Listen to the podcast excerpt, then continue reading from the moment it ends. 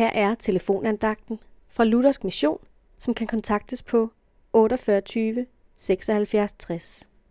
Andagsholderen i dag er Ulla Christensen. Hvordan kan man tro på Gud, som vi ikke kan se?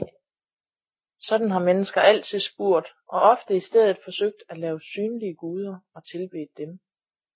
Gud kan være svær at få øje på i vort materialistiske samfund, hvor stort set kun det, som kan måles og vejes, har værdi.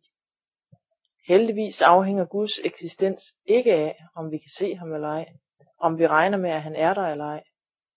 Ingen af os kan heller ændre ved vindens blæsen eller tyngdekraftens love, selvom vi ikke kan se eller forklare dem.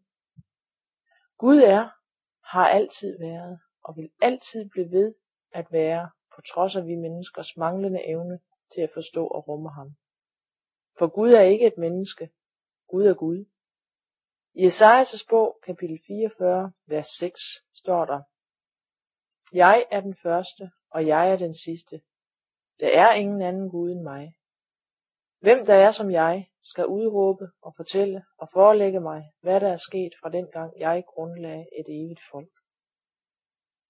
Går det en lille smule op for os, hvem Gud egentlig er, og hvor mikroskopiske vi mennesker er i forhold til ham, der må vi frygte ham i hans almagt. Gud er ikke hvem som helst, og kommer vi op imod Gud, der har vi ingen chancer overhovedet. Da er det fantastisk, at Gud også er den, der siger, før mig blev der ikke dannet nogen Gud. Efter mig vil der ingen være. Jeg, kun jeg, er Herren. Der er ingen anden frelser end mig. Det er mig, der har fortalt det. Mig, der frelser. Esajas bog, kapitel 43, vers 10-12.